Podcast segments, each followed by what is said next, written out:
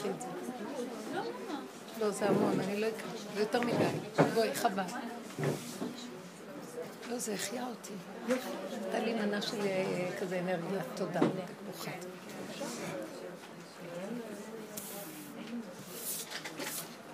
ערב טוב, בנות. מה שלומכם?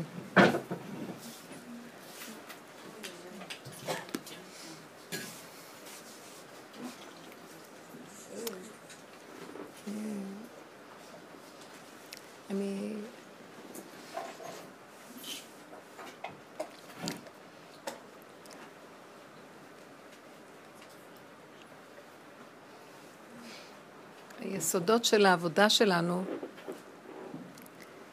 שמתי לב שהם אה, מיושמים קצת, הם, כשאנחנו עושים עבודה בעולם שלנו הפרטי, זה מתראה בעולם החיצוני.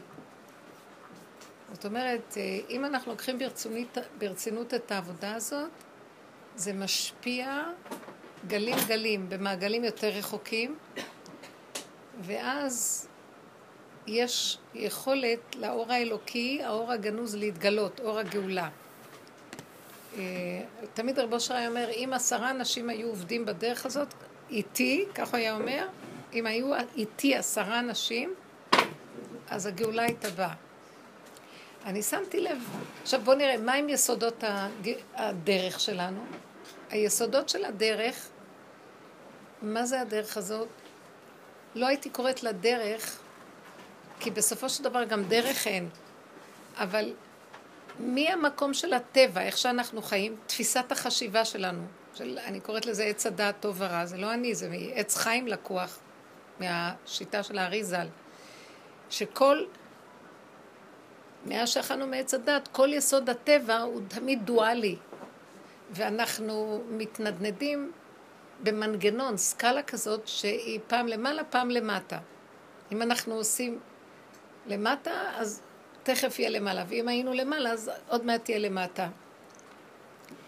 ואנחנו כבולים בתוך מערכת שהיא גורמת לנו הרבה סבל, והיא בעצם השעבוד.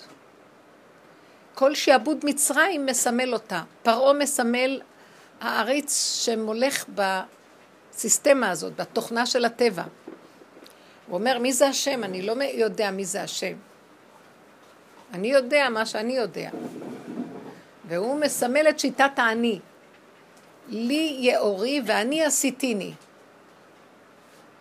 היאור הוא שלי, אני עשיתי אותו.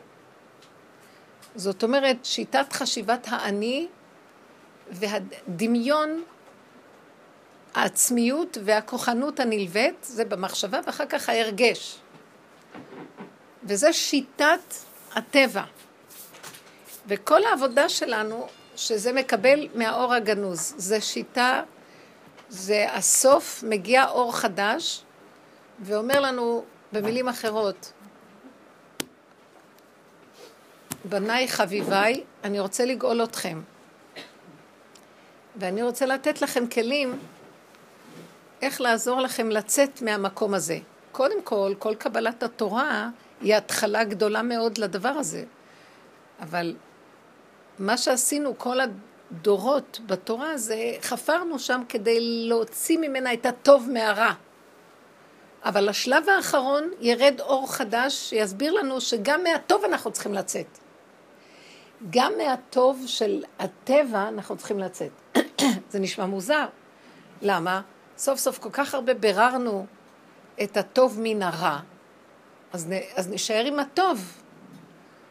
אז אומר לנו בעצם האור הגנוז, השיטה, האור החדש אומר לנו, תקשיבו, הטוב והרע בטבע הם טבע. ברור שיותר טוב בטבע הטוב מן הרע. מול הטבע, מול העולם, יש טוב ויש רע. אבל גילוי האור הגנוז זה לא טבע. זה מי שברא את הטבע, זה אור אחר. והאור הזה הוא לא טוב ולא רע, אי אפשר להגדיר אותו טוב או רע. הוא אור שכלול משניהם, אבל זה כבר לא גדר של טוב או רע. זה כולל את כל הכוחות כולם, וחוץ מזה גם יכול להיות שאין בו שום כוח כלל גם, יסוד העין. אז הוא אומר, עכשיו יורד אור חדש, של האינטליגנציה שהיא השתוות הכוחות, השתוות הצורה, השתוות התנועה, ואין כן ולא וטוב ורע, אור, חושך יום ולילה. יש מצב אחד, וזה גילוי השם, גילוי מלכות השם, גילוי תפיסת חיים חדשה. אז עכשיו אני רוצה לגאול אתכם בעצם מהעבודה שעשיתם בכל הדורות. מה שמתן תורה עזר לנו זה לתת, לתת לנו כלים איך להיות טובים בטוב האמיתי מול הטוב של הטבע, הנכון, מול הרע בטבע. אבל האור הזה הגנוז אומר לנו, אני רוצה עכשיו להוציא אתכם מהטבע בכלל. לא הטוב שלו ולא הרע שלו. ואז אתם תראו שיהיה כאן מצב חדש, שלא יהיה לא טוב ולא רע. זה לא שלא יהיה לא טוב ולא רע, לא יהיה לכם מוח שרואה את החיים בצורה של טוב או רע. נכון, לא נכון. מותר, אסור. כאשר פסול. טמא טהור. לא תראו דבר והיפוכו. נכון שקשה לנו לתפוס את הדבר הזה? לא, אז איך נראה את זה? לא ככה וככה, אז לא נוכל. אנחנו... הדרך שאנחנו מדברים זה הכלים לעזור לנו איך לרדת מהטבע ואיך להתחבר לאור החדש. אם יהיה לכם ריכוז קצת, אני אוכל להביא את זה למה שאני רוצה לומר. לרדת מאור הטבע, מהטבע. מה זה אור הטבע? החיובי שבטבע. מה זה החיובי שבטבע? בוא נגיד שמש לעומת הירח. אז השמש יש לה מעלה לבן אדם יותר מהירח, בטבע. אבל באמת לאמיתה, גם השמש מאוד מוגבלת. היא גם כן עוד כוח בבריאה. ויש הרבה שמשות בבריאה. אנחנו משתמשים באור שלה, ואנחנו אומרים, השמש זה אור. והלילה זה, הכוח, זה הירח. אבל כתוב בישעיה פסוק, לא יהיה לך השמש לאור יומם והירח לאור לילה. כי אני אהיה לך השם לאור עולם. אני השם יהיה לך לאור עולם. זאת אומרת, כבר לא יהיה האור של הטבע, אלא זה יהיה אור אחר. איזה אור זה? זה האור הגנוז. זה האור שלפני האור של הטבע. האור של הטבע נברא ביום רביעי, שהשם יצר את המאורות. המאור הגדול, המאור הקטון, זה השמש והערך. ואילו כשכתוב יום אחד, בוקר, הראשון, ויאמר אלוקים יהי אור, ויהי אור. ויהי ערב ויהי בוקר, וירא השם את, את, את האור כי טוב, ויהי ערב ויהי בוקר יום אחד, נכון? אז מה זה היה האור הזה? אם השמש בעצם יוצרת מציאות של אור, זה האור הגנוז. חז"ל אמרו, זה האור הגנוז, זה האור העליון, זה תודעה עליונה שאחר כך הוא גנז אותה והמשיך את סדרת הבריאה בתוך הטבע. עכשיו, לקראת הסוף הוא רוצה להחזיר אותנו לאור הזה. אבל אנחנו לא יכולים להגיע לאור כזה כשאנחנו בעצם רגילים לאור של הטבע. אז זאת אומרת, נצטרך כאן איזה תהליך או כלים איך עושים את זה. וכל מה שאנחנו מדברים פה זה התהליך למקום הזה. אז מהו בעצם התהליך הזה? בכמה מילים אנחנו אומרים ככה. כל מה שאנחנו רואים בעולם ומגדירים אותו רע או טוב, ברור שאנחנו מעדיפים את הטוב, אז בואו נביא אתכם לתפיסה חדשה. גם מה שאתם רואים טוב בטבע, אל תאמינו לו. זאת אומרת, מה שאתם רואים רע בטבע, אל תאמינו, וגם מה שאתם רואים טוב בטבע, אל תאמינו. זאת אומרת ככה, את לא היית רוצה להיות שייכת לדבר רע. באופן טבעי אני לא הייתי מתנדבת לחיות בתוך הרע ולהגיד שזה טוב. אבל אם כבר חס ושלום קרה איזה דבר שאנחנו קוראים לו רע, אז באה הדרך שלנו ואומרת, יש לנו עכשיו אור חדש, זאת אומרת, תפיסת מבט חדשה איך להסתכל על המצב.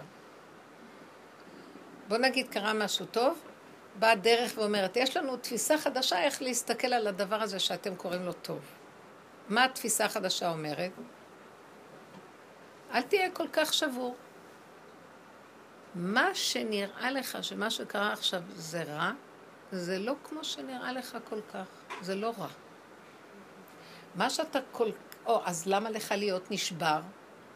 מה שאתה כל כך מתלהב שקרה משהו טוב, אל תזוח עליך דעתך, ולשמחה מה זו עושה, תתקרר. אל תיקח את זה מאוד ברצינות. אז משתי הצדדים אנחנו מבינים שאנחנו עכשיו כבר לא הולכים על הימין ולא על השמאל, אנחנו נכנסים לאיזו התכווננות אמצעית באמצע. וזה אור חדש. וזה יהיה שעה מאוד מאוד קשה אם אנחנו לא נתרגל את המהלך של הירידה מהתפיסה הזאת הטבעית של טוב ורע, הניסיונות של הסוף לא יהיו פשוטים. מדוע? כי התפיסה של טוב ורע, יש להם סקאלה כזאת שהיא פעם למעלה, פעם למטה. תנודות, אם יש עלייה, יש ירידה. אז אנחנו אומרים, טוב, יש ירידה, טוב, יש עלייה. ובין ירידה לעלייה יש פסק זמן. מאחר והאור החדש רוצה להתגלות, התפיסה החדשה, למה שאנשים ירצו לעזוב את המצבים הטובים ויבואו לתפיסה חדשה? טוב להם בטוב, יש להם סיפוקים וריגושים ודמיון חיובי, והם יושבים על איזה התרחבות בדעת. השם יצטרך להראות לעולם שגם הטוב וגם הרע לא יהיה בו אמון. מדוע? כי הוא יהיה כל כך מהר, השינוי יהיה נורא מהר. יום ככה ויום ככה. יום ככה ויום ככה זה עוד טוב. רגע כזה ורגע כזה. לקראת הסוף המהלכים האלה מקצרים לקראת המקום של קו האמצע. במקום שמה שהיה קודם, עד שנגמרת תנודה כזאת, ואז עובר מהלך לתנודה כזאת, אז לא מרגישים בעצם מה רע. או אם לאדם היה איזה משהו רע, זה היה יכול לשבור אותו מאוד מאוד מאוד חזק. המהלך הזה יוצר מצב של אם אדם אין לו דרך איך להתכוונן לקו האמצעי והוא לא מבין את התהליך הזה והמהלך הזה, אז הוא יכול להשתגע. כי זה מוזר וזה קשה. בואו ניקח דוגמה נוספת, שאנחנו מכניסים את הדרך הזאת לעבודה היומיומית שלנו בכל דרכיך דאהו. אני לא נכנסת בדעתנות ומתווכחת, אבל אני נכנסת בעבודת המידות הפשוטה יום-יום שקוראים לנו מקרים. כי זה יותר מוחשי כשאנחנו במידות חווים חוויות. אז בואו נתחיל אפילו עם הדעות. הגמרא מספרת שיש שני מהלכים, תקופה מסוימת היו שתי בתים של הלכה, הלכה לבית שמאי, הלכה לבית הלל. שתי קבוצות של תלמידי חכמים שבדעותיהם היה מחלוקת. זה סבר לשיטתו ככה, וזה סבר ככה. והפסקים שלהם היו הפוכים, שאפשר מהזווית הזאת שפוסקת ככה להגיד זה בדיוק הפוך, זה רע, וזה טוב. למשל, בית שמאי מדליקים שמונה נרות בלילה הראשון של חנוכה, והולכים ופוחתים. ובית הלל מדליקים נר אחד, ולמחרת שתי נרות, ושלה שלוש, וכן הלאה. הולכים ומוסיפים. זה נראה דבר הפוך. אז היה להם שינוי מאוד גדול בחשיבה. אז איך הם יכלו להכיל את זה? כי באיזשהו מקום הייתה להם חוכמה של האור הגנוז. שהם הבינו שלצורך התיקון של הסקאלה הזאת, כן יש ניגוד, וצריכים לתקן אותו. וכל אחד בחלק שלו מתקן, כמו שהבניין נשבר, זה מתקן חלון וזה מתקן דלת. או זה את האגף הראשון וזה את האגף השני. ולא הכל רק אגף אחד. אבל בוא נגיד שנרד מדרגה יותר נמוכה, במקום הדעות נדבר על מידות. ועכשיו, אלו יאמרו בכו ואלו יאמרו בכו, ואז הם יתחילו להתרגז אחד על השני. ויריבו, ויגידו, אתם לא יודעים מה אתם אומרים, אתם פסולים לבוא בקהל השם. אי אפשר לשמוע את ההלכות שלכם, אין להם שחר, ואז מתחילה מחלוקת של שנאה. מידות מצטרפות, כן? הדעת שהיא כל כך סותרת את השני, גם מצטרפת במידות, ואז מתחילים לחלוק ברמה של שנאה. מה שאמרו על מה חרבה ירושלים, על שהייתה שנאת חינם, שלא יכלו לסבול אחד את הדעה של השני במידות של הדבר. בו בזמן שבית הלל ובית שמאי היו להם דעות שונות, אבל הם התחתנו ביניהם, והם כיבדו אחד את השני, והיו להם ידידויות יפות, אבל כל אחד שמע והלך לפי השיטה שלו. זאת אומרת, היה להם נקיות בהבנה שבאמת, באמת, מעל הכל, הכל זה דבר אחד. אחדות הדעת ואחדות הבורא. אבל לצורך הקלקול של הבניין, הבריאה, אלו עובדים בקומה הזאת, ואלו עובדים בקומה הזאת, אלה באגף הימני ואלה בשמאלי, זה לא חשוב. והם הבינו שלכל אחד יש את המקום שלו. והיה ביניהם שלום. בירידת הדור, הדורות יש התמעטות של המהלך הראשון שאמרנו, ומתחילים להגיע למקומות ש... של המידות. והאור הגנוז, כשהוא יבוא להשרות את מציאותו עלינו, הוא יפשפש בחורים ובסדקים ששייכים למידות. אז מה היסוד של העבודה הראשונית שאנחנו אומרים? איך אנחנו יוצאים מהמחלוקות ומהשנאה? בוא נגיד שהבעל מרגיז אותך, אומר לך איזה דבר שמעליב או פוגע, או שזה לא הגון מה שהוא אומר. ביסוד של עבודת האמת, כמו שבית הלל ובית שמאי שומעים, וכל אחד מתפלץ מצורת החשיבה של השני. אבל הם נעצרים ואומרים, רגע, רגע, רגע, זה שייך לו וזה שייך לי. זאת אומרת, זה, הבעל עכשיו דיבר ככה, ויש לי כעס, ויש לי אה, נעלבות, ויש לי נפגעות, וקנאה, וצרות עין. עכשיו עולים וכחנות, נצחנות, כל המידות. אבל רגע, רגע, אני אומרת לעצמי, אם אני עובדת נכון, זה המעשה שלו וזה המעשה שלי. מה זה קשור? מותר לו להגיד מה שהוא רוצה להגיד. אם אני נפגעת כל כך חזק, זאת אומרת שאני, הטבע שלי שייך מאוד ב, ב, בטבע. התוואים שלי, המידות שלי, הם שולט עליהם כוח הטבע. ואין לי יכולת להתרומם מעל זה. אז הדבר ראשון אני אומרת ככה, מה יעזור לי באמת שאני לא אשים את הדגש עליו? כי הוא פגע בי.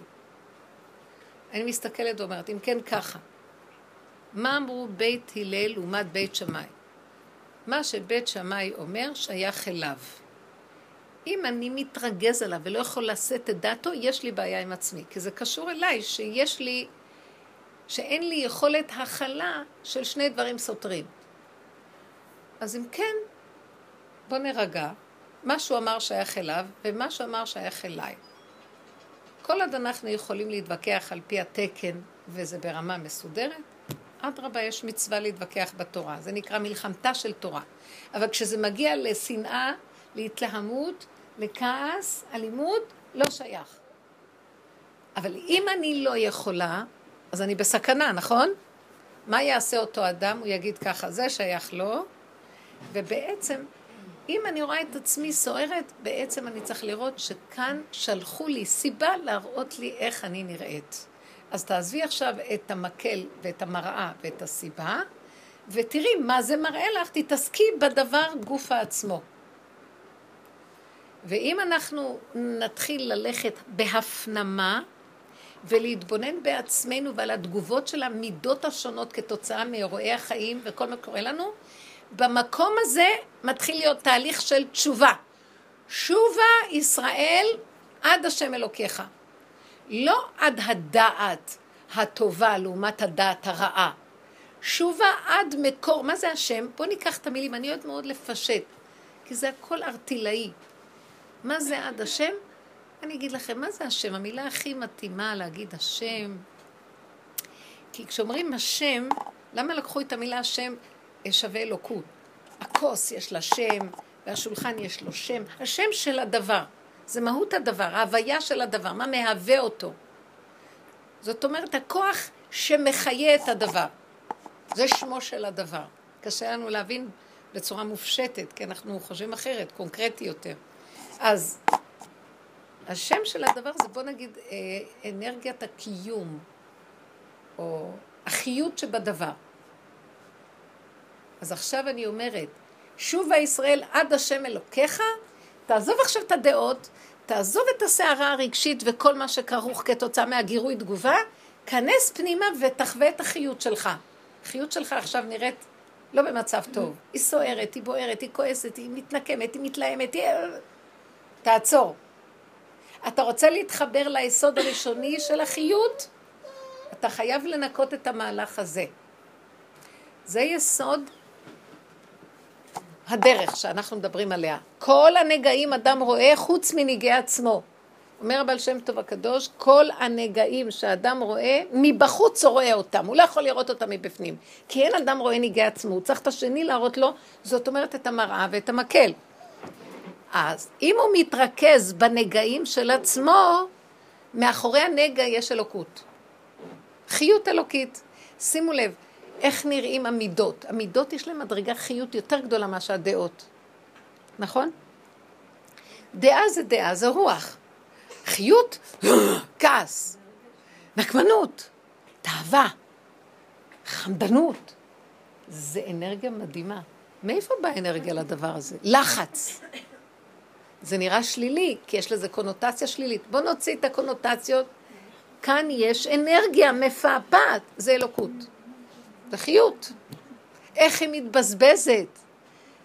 באמתלה שאני אתווכח ואתנצח ומאבדים את המיקוד שזה מעניין כל כך, ולבסוף אנחנו נראה את זה ככה. השם שלח את האדם הזה להרגיז אותי, להעלות לי את החיות, כדי להגיד, למה שאני אבזבז אותה עליו? ואני חוזרת לחיות שלי. זה השער להשם, זה הדרך לקבל את החיות של האור הגנוז. ואף אחד לא שמה לב על הדבר הזה. רב אושר היה אומר, איפוק אחד שווה אלף, שום, אלף צומות.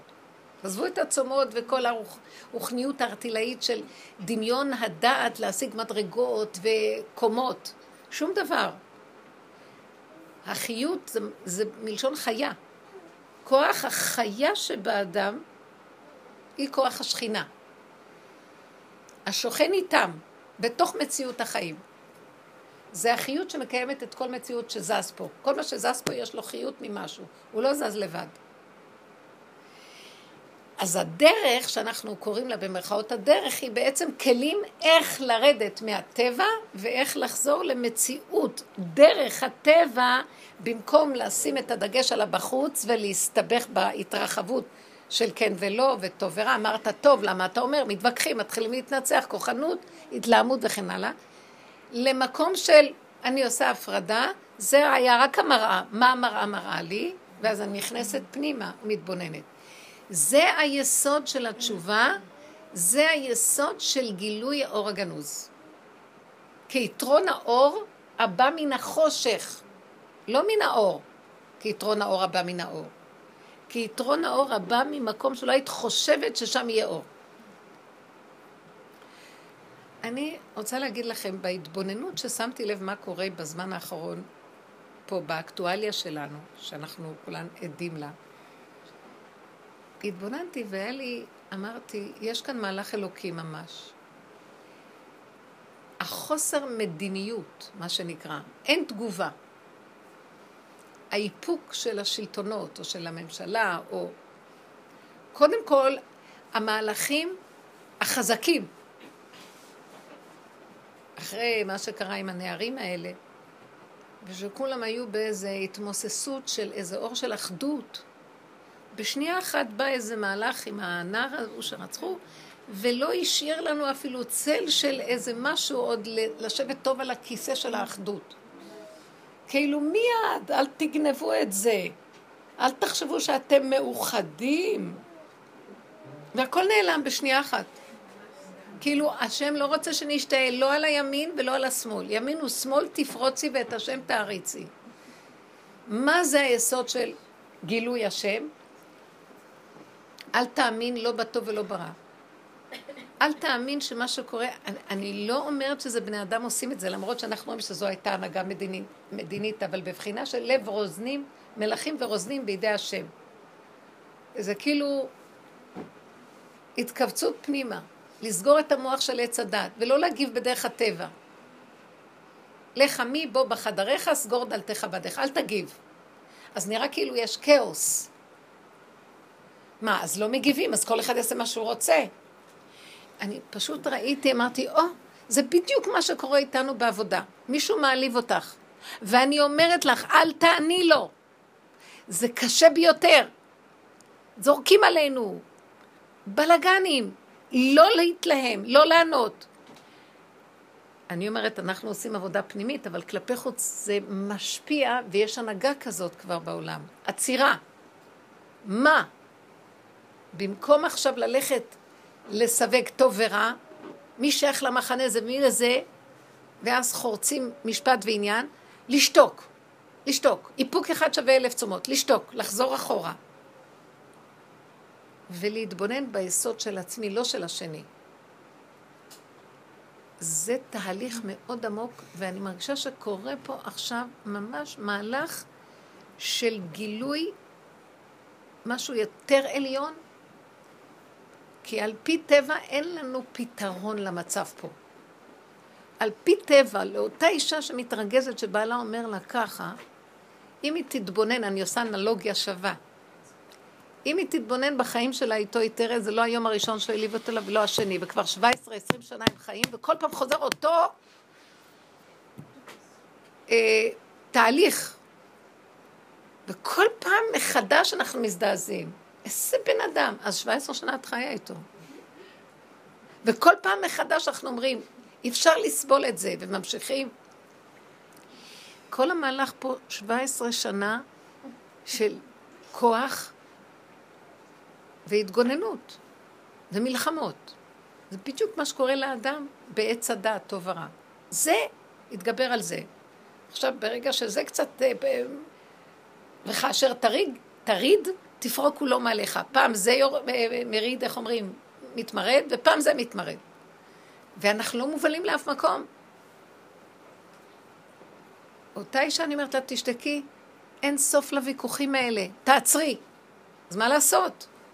אל תעני לו. אז אני אהיה פריירית שלו. אל תפחדי. כשאת שותקת, את מתחברת ליסוד העבודה יותר עמוק. אבא, עוד פעם אני אתחיל להתלונן איך הוא נראה, ועוד פעם אני אענה לו, איזה רמה זאת? תשתקי, תשתקי. למה את בכלל מגיבה? מה את רוצה ממנו שהוא אומר? למה את לא דורשת ממך למה את עונה? כמו שהוא אומר, ככה את גם עונה. זה נבלה וזה טרפה. למה הוא יותר גרוע ולמה את יותר בסדר? תסתכלי על עצמך ותראי. ברגע שהוא אומר איך שהוא אומר, זה גם כן גירוי. ברגע שאת מגיבה בצורה הזאת, זה גם גירוי לתגובה. חפשי את עצמך ותעצרי את התהליך. המקום הזה זה התחלת הגילוי של האור הגנוז. עצירה של המנגנון של הטבע, וזה מאוד קשה לבני אדם, כי כל התרבות שלנו בנויה בזה. קורה איזה דבר, כולם מפחדים. עכשיו, בוא נגיד. אה, כשבאתי לפה, הייתי אה, ברכבת ממודיעין, כי הייתי צריכה ללכת לנחם במודיעין, אז באתי מירושלים למודיעין, וממודיעין לקחתי רכבת לכיוון פה. כשהגענו ליהוד, אה, בנמל התעופה בן גוריון, שמענו אזעקה, את העולה ויורד. אז אני אומרת לכם, היה שם פשוט זה. אנשים, נשים, התחילו לצרוח. דפקו על הדלתות, כאילו הרכבת אה, ממש עמדה לעצור, והם דפקו על הדלתות שהם רצו לצאת, פחדו להישאר ברכבת. ואז עכשיו הרכבת עוד לא יכולה לעצור. צורכים! והילדים צורכים ובוכים. ו... וגברים אומרים, לא להתרגש, הכל בסדר, אבל גם הם מפוחדים. ומיש... ו... ואנשים בטלפונים, אבא, אימא, וזה. ברגע שה... שהרכבת עצרה, אז אנשים פתחו את הדלתות ורצו החוצה, אבל בחוץ גם הייתה, אה, היה סכנה. אז הם שמעו כבר שבשדה התעופה אומרים, לא לצאת מהמרחב המוגן, כאילו, אז תשארו איפה שאתם עכשיו. בייחוד שהרכבת נמצאת במקום שהיא כאילו מוגנת. היא תחת איזה חומה, היא לא חשופה לבחוץ. ואני הסתכלתי, וזה מכניס איזשהו לחץ. וראיתי פחד, פחד. ואמרתי לעצמי, מה העבודה שלנו אומרת? הפחד הזה, זה השם שולח אותו. מה שקורה שם, זה סיבה בשבילי, אין עולם. נכון שהמוח שלי אומר, מה אין עולם? יש חמאס, והם זרקו, והם התכוונו לפה, ועכשיו יש רקטה, ועכשיו את צריכה זה. מה את אומרת אין עולם? יש. אין עולם. זאת אומרת, הם רק סיבה בשבילי לעורר לי את הפחד. זהו, הפחד, את אמרת, הפחד השם שולח אותו. בדיוק. לא. השם שלח את המהלך הזה לעורר את הפחד, כדי שאני אחזיר את זה אליו ואגיד לו, אני לא מכילה את זה, תחזיק אותי. זהו.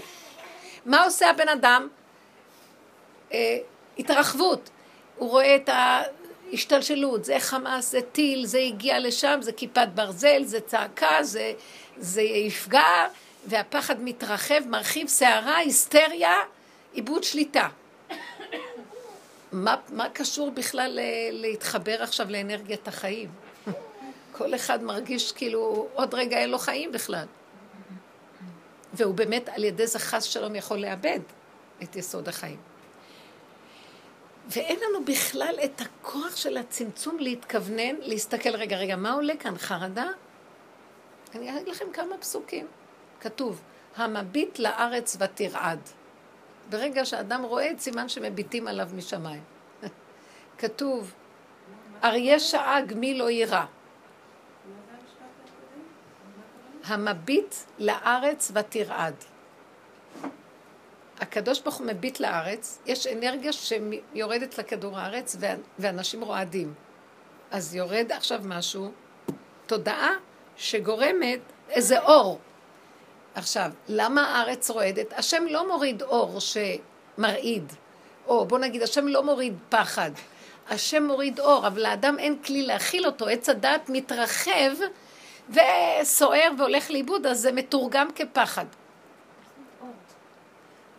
שכל, חיות, מדרגת חיות. כשיש, נכון רגע, היה שקט, פתאום נהיה מלחמות. אז נכון שזה נראה כאילו משהו, איזה שינוי באנרגיה? יש אור. האור, כן. עכשיו, המילה אור היא מילה, היא לא חיובי או שלילי, היא מילה. ישר את אומרת, אור זה חיובי ופה זה פחד. אנחנו תרגמנו את זה לשלילה. כשזה נכנס לתוואים והתרחב, בוא נגיד שזה נכנס לדעת. תראו, יורד אור, והתוצאה הייתה אור. יורד אור, המנגנון הזה חוטף אותו לכאן ולכאן, ההרג, ההרגש מצטרף, עכשיו כל הגוף רועד. מה תהיה התוצאה? צעקות, הידיים לא יכולות לזוז, חרדה נשכבו על ה... אומר להם ברמקול, תשכבו על הרצפה. אז את, זה היה נורא מצחיק, אמרתי, רק רגע, מה כבר קרה? אז נשכבו, הם לא סתם נשכבו, אחת מתחת לספסל, אחת מאחורי מזוודות, אחת סידרה לעצמה איזה בריקד. באמת, אני לא צוחקת על בן אבל אז אני אומרת, ריבונו שלום, תראה איך אנחנו נראים, הלכנו לאיבוד. ובאיזשהו מקום, ההתרחבות הזאת מאבדת בכלל את ההתכווננות. ירד הזה, עכשיו, אנחנו מרגישים חרדה. החרדה הזאת צריכה לעבור לפה ולהחזיר אותה לשורש. מה אני יכולה להגיד לו? מה שאת רוצה. אבא, תשמור עליי. אבא, אני לא יכולה להכיל את הפחד, אני רוצה, לה... אני רוצה, ש... אני רוצה לחוות את האור שלך עוטף אותי. מה אכפת לכם? אבל הרבנית היא לא צריכה גם להגיע לרגליים. זו מציאות שיש אה, פצצות נופלות, ואנחנו צריכים להגיע למרחב מוגן. אנחנו לא יכולים... אה, נכון, אבל... מי שנמצא במציאות הזאת, הוא לא יכול... אה, להישאר בחוץ, למרות שזה גם קורה. אז אני רוצה להגיד לך משהו. באמת, את אומרת דבר יפה, אבל זה שוב פעם התפיסה של עץ הדעת. כי יש שני דברים פה. זה לא מה אני צריך לעשות. זה גם כן, אבל איך אני עושה את מה שאני צריך לעשות? בהיסטריה, בסערה, ואני מתבלבל ואני רץ, או שמתיישבת עליי דעתי, וזה לא צריך לקחת יותר משניות אם האדם מכוונן, וחוץ מזה, אני גם זז לכיוון של מעשיות נכונה. האדם הזה יכול להיות, בש, בשעת לחץ הבני אדם יכולים אה, להתנהג לא טוב, ואז הם יכולים לגרום לעצמם נזק, חלילה. אפילו לא מהדבר עצמו, רק מההיתקלות והסערה ודחיפות ומה לא. כן? אני, אבא, אני יודעת שזה אתה. אם היינו מכווננים ומרוכזים, היינו, אבא זה אתה. בכל אופן, אני בשר ודם, ומשהו נכנס אצלי, אנחנו בתרבות קשה, שמתרגם את זה לפחד, ואני לא יכולה להכיל את הפחד. אני לא מחזיקה מעמד. סגור לי את המוח, סגור דלתך בעדיך, את דלתות המנגנון שנפתח, סגור לי אותו, תן לי לנשום איתך, ולא לדעת. לדעת קצת, אני אלך לכאן, אני אעשה ככה, אבל בלי כל הסערה הנרגשת. תעטוף אותי ותן לי להיות קשורה אליך. האדם הזה עכשיו הוא מסומן אצל השם כשמור. אתם יודעים? מסמנים אותו, זה שייך לי, אף אחד לא ייגע בו. גם, אני לא יודעת מה. זה ממש יפה, כי זה עובד ככה. אם אנחנו מכווננים את מציאות החיים לאיפוק, לשתיקה, לא להגיב, אנחנו מקבלים את האנרגיה החדשה ואת האור החדש, תודעה חדשה של שקט, שהיא נשארת פה, היא לא עם כל זה בטבע, והיא פה מדברת, מתפללת, גם כי ילך בגיא צלמוות, לא יראה רק כי אתה עמדי, תעזור לי ואל תעזוב אותי. אני לא נכנסת, מה אני אעשה, מה אני לא אעשה. גם המקום הזה נותן לך אינטליגנציה פשוטה לדעת מה לעשות גם. נורא מעניין. מאוד מאוד פשוט. מאוד מאוד קטן, פשוט, חכם ולא בסערה. המוח מסעיר. לסגור את המהלך הזה ולהיכנס לקטן, שם מתגלה ישועה מכיוון אחר לגמרי. ואני מרגישה שמה שקרה פה גם כן בימים האלה שלא הייתה הנהגה ולא היה כלום, כאילו באיזשהו מקום השם בחן אותנו, אומר לנו, אתם לא תגיבו כרגיל. אני רוצה להיכנס פה ולעזור לעשות פה ישועה. תנו לי להיכנס פה. כי אין לכם ישועה בדרך הטבע. מה הישועה פה בעולם הזה? מה הישועה? מה הישועה לזוג שכל הזמן רב 17-20 שנה? תכנסי בדרך ותתחילי לשתוק ולעבוד על עצמך ולא להגיב. זה קשה, כי האגו לא מסכים. התוכנה של עץ הדת מתנגדת. אבל אם אני אומר, את זה ניסיתי 17 שנה, מה זה עזר לי? בוא ננסה עכשיו כיוון אחר. גם לא תהיה לבן אדם ברירה, יכריחו אותו. אתם חושבים שכאילו הנהגה המדינית, שבוא נגיד, נתניהו החליט שככה אנחנו נתנהג, נשתוק ולא נגיב, היה כמה ימים ממש של שקט מאוד. לא, הכריחו אותו, כפו עליו. כאילו משמיים לא נתנו לו, היה רפיון מאוד, לא נתנו לו בכלל. זה ברור. אבל אני ישר רואה, עזבי אותו. הוא רק כלים בידי המציאות של ההנהגה, ההשגחה האלוקית. זה השם מחפש אותנו במקום הזה. זאת אומרת, הגילוי של השם יהיה במקום של לך עמי בו בחדריך. החדרים זה כמו חדרי הלב.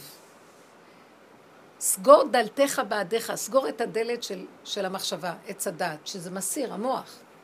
אני רוצה שניקח דוגמאות. כל דבר בטבע מסעיר אותנו מאוד במחשבה שלו. אם הוא דבר שלוחץ אותנו, מכאיב לנו, ניסיון. ואם אנחנו סוגרים ולא נותנים לזה להיפתח, אי אפשר אחרת לעמוד בזה. זה כאילו כושר הכלה של איפוק, אבל לא להחזיק את זה, הכלה סתם. להעביר את זה, טרנספורמציה לכיוון אחר. של דיבור להשם אני לא יכול להכיל, רק אתה יכול. באמת שאדם, למה אני נוקטת מאוד בסוף התהליך עם המילה הרבה אני לא יכול? כי כל הקלקול של עץ הדת שהוא אמר אני יכול, וייתם כאלוקים. אנחנו יכולים להיות כמו אלוקים. וכל הקלקול, או כל התיקון היה טוב. אם אתה חושב שאתה יכול להיות כמו אלוקים, אז מלא מצוות. תראה, יש שם חולים, לכו תטפלו בהם, ופה יש עניים, לכו תחזיקו אותם, הקהילה צריכה להחזיק. ופה יש... אה, אתם אה, צריכים לדעת שצריכים להיות המון אנשים בבריאה, בעולם, כי אתם מחזיקים את העולם, אז אם יהיו מיליארד אנשים, יהיה לכם יותר כוח להחזיק את הבריאה, כי הכל עליכם, אתם החיים. אז ההולדה עליכם. אתם יודעים שלהוליד ילדים זה, זה המון עבודה. זה גם מאוד קשה, זה נורא קשה. זה צער, צער הריון, צער גידול. זה צער. זה לא חייב להיות צער, אבל כרגע, תחת החוק של עץ הדת, זה צער. אז במחשבה היסודית, מי צריך את זה? לא את הילדים, את הצער. אז כל העבודה שלנו לחפש איך לחזור למגרש הנכון. למה אנחנו צריכים להיראות ככה? אז אנחנו אומרים, אז תעצרו. המצוקה מראה שאנחנו בתהליך של, או במנגנון של עץ הדת, תחת חוקי עץ הדת. וכשאנחנו נעצרים, ואפשר גם להגיד, לפרק את זה.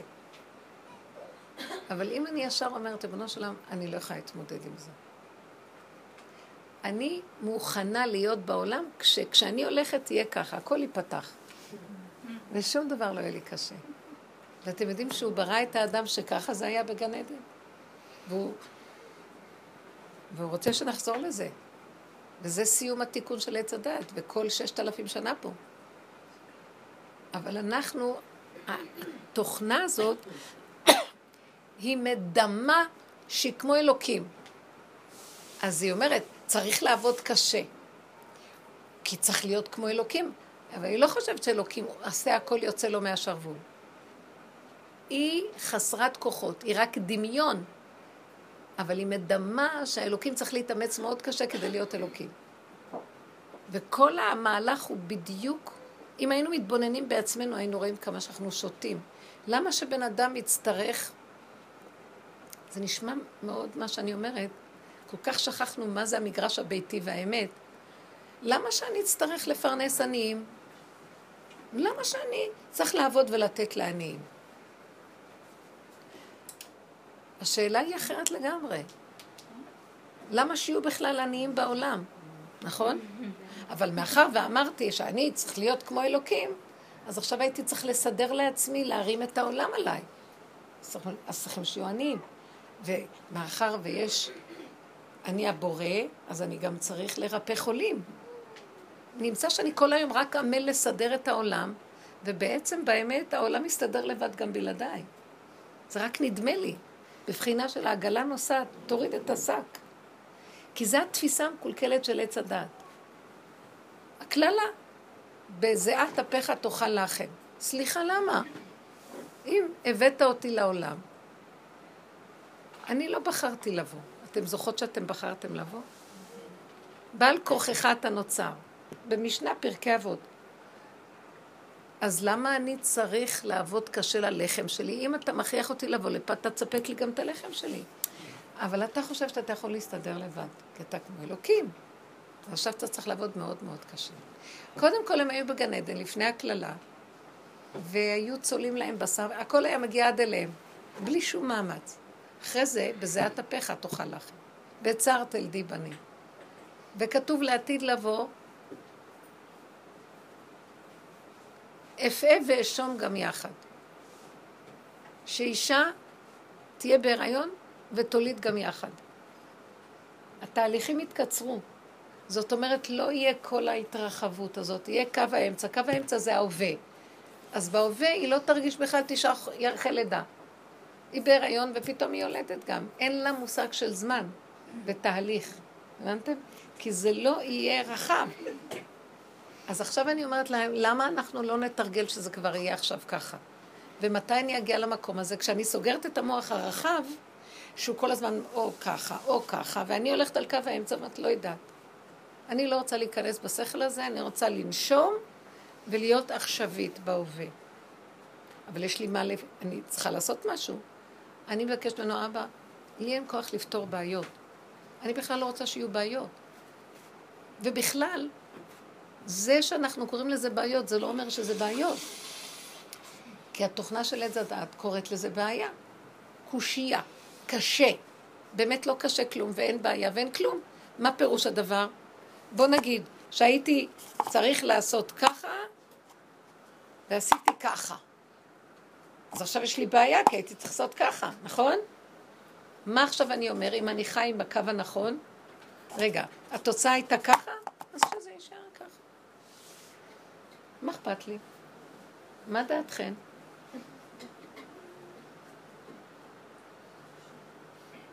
נכון שזה קשה?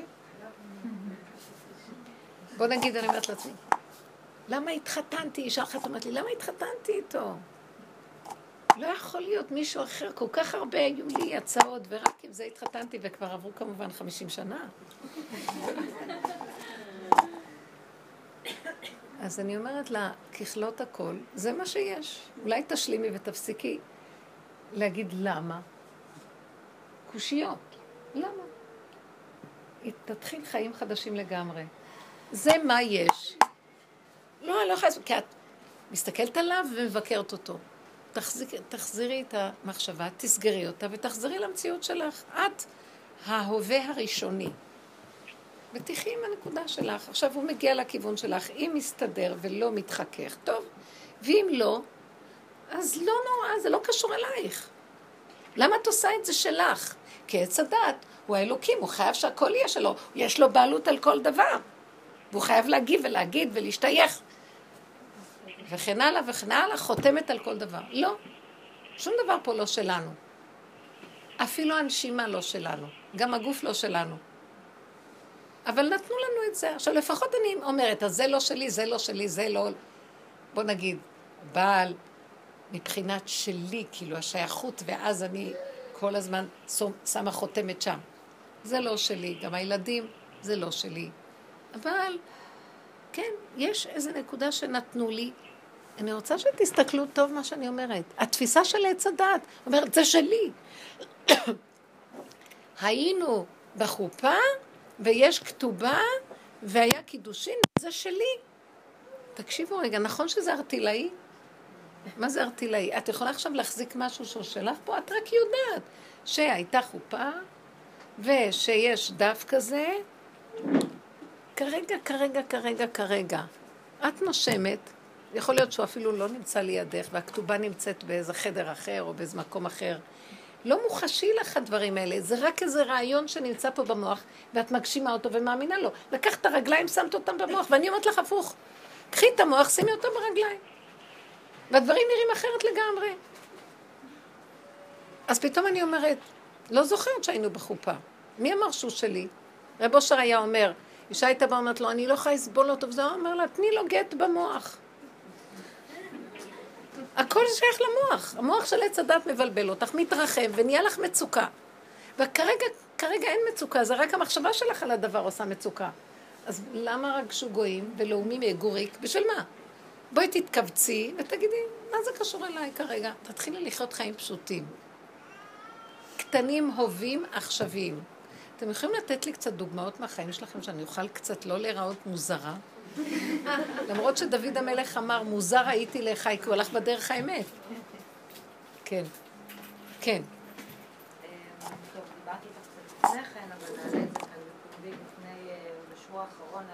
לפני סוף אה, שאנחנו עדיין כאן בפרדס חנה, שהוא יותר קרוב לחלק מהאנשים שנוכחים כאן, פחות קרוב אבל הוא משהו קהילתי. אני מדברת על העניין של הילדה שנחטפה מביתה והותקפה. אה, בקול רם תדברי, כן. זה משהו שאני מרגישה שבאופן אישי אני מתמודדת איתו, בחלק, מה, בחלק מהימים אני מצליחה לעשות עליו את העבודה שאנחנו לומדים. אה, מה, ש, מה שהיה נכון, אה, בוא נאמר, מה שהיה מדהים זה שאחרי שהעלינו את זה כאן בשיעור, בסוף השיעור, ואז אמרנו בפרק תהילים, למחרת בבוקר נודע לנו שהחוטף בעצם נתפס. וזה יצר איזושהי, הקלה. אחד הקלה וגם מין פליאה כזאת אצל האנשים שהיו אה, גם כאן וגם במקרה. אה, מה שהיה מתסכל מאוד זה שהוא אחרי כמה ימים שוחרר. לאן זה לא מגיע? בוא נגיד פרק תהילים. בוא נגיד פרק תהילים. שיר, שיר המעלות, אשא עיניי להרים, מאין יבוא עזרי. עזרי עם אדוני עושה שמיים בארץ, אל יתן למות רגליך.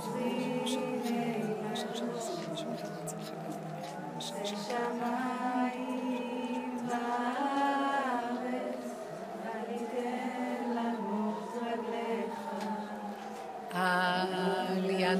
שומריך, הנה לא ינום,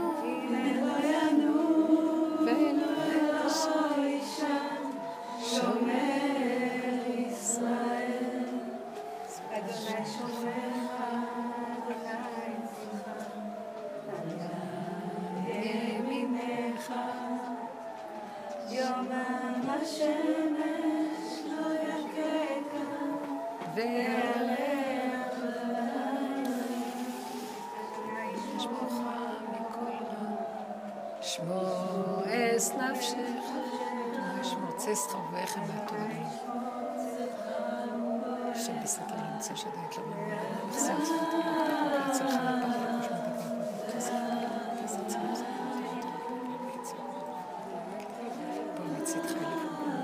רגש ובניך תעבד שלוש כי אתה במחסור לצמת ממך לא בצרה שלך תקשיבו, נתרכז בדרך והשם ירחם עלינו, אמן. אז המקום הזה שאת אומרת עכשיו, מה קרה? אני לא יכולה להתרכז. אה? כי את... אה, שלי. כן, מה קורה בבית. אתן רוצות, אתנחתא לראות מה קורה בבית.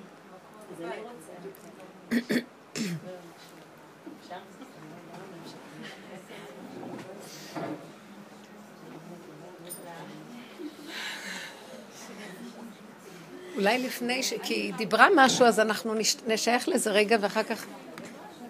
בעצם במקום שאנחנו מדברים, אנחנו אומרים ככה, היה כאן סיפור, ואם אני לא סוגר באותו רגע את המוח, קודם כל אני צריך לדעת ככה. יש סיפור, ומה זה קשור אליי? ברגע, הרגע. ורציתי להפסיק אותה ולשאול אותה, אה, קרה משהו לילדה שלך, כאילו? אז חכי, זו תשובה ממש... מה? היא צריכה לשמוע את התשובה. חשוב. אה, טוב, יודעת, המוח קופץ גם לעוד אה, כמה. ברוך השם, הכל בסדר? בבית. כן, נכון. זה רחוק. אבל היה בום. שמעתם? יש כאן אה, כיפת ברזל? אבל היה בום. בים.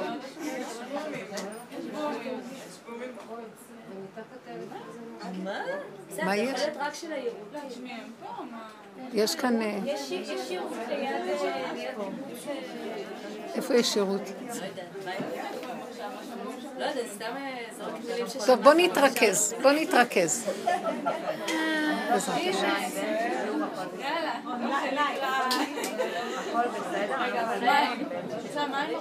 לא, יש לי תה, תודה.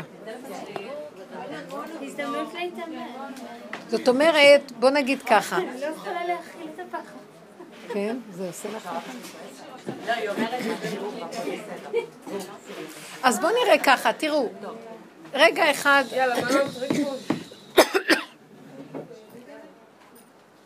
אה, רגע אחד ששומעים משהו, ישר המוח מתרחב עם זה מהר. אם היינו יכולים לסגור אותו, שומעים, זה עושה משהו, אבל תצמצמו, שזה לא יתרחב, ואז השכל הישר עובד, מה צריך לעשות, כמו שהיא אמרה קודם, ללכת לפה, לעשות פה, להתקשר לכאן. הייתה אזעקה באזור בנימינה, אבל זו תקלה בצופרים. באמת? לא. אז מי שמע כבר בום? תדעו שככה הם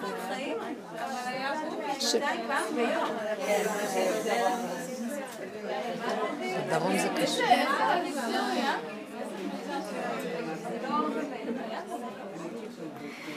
אז זאת אומרת, אולי נחזור? טוב, בנות.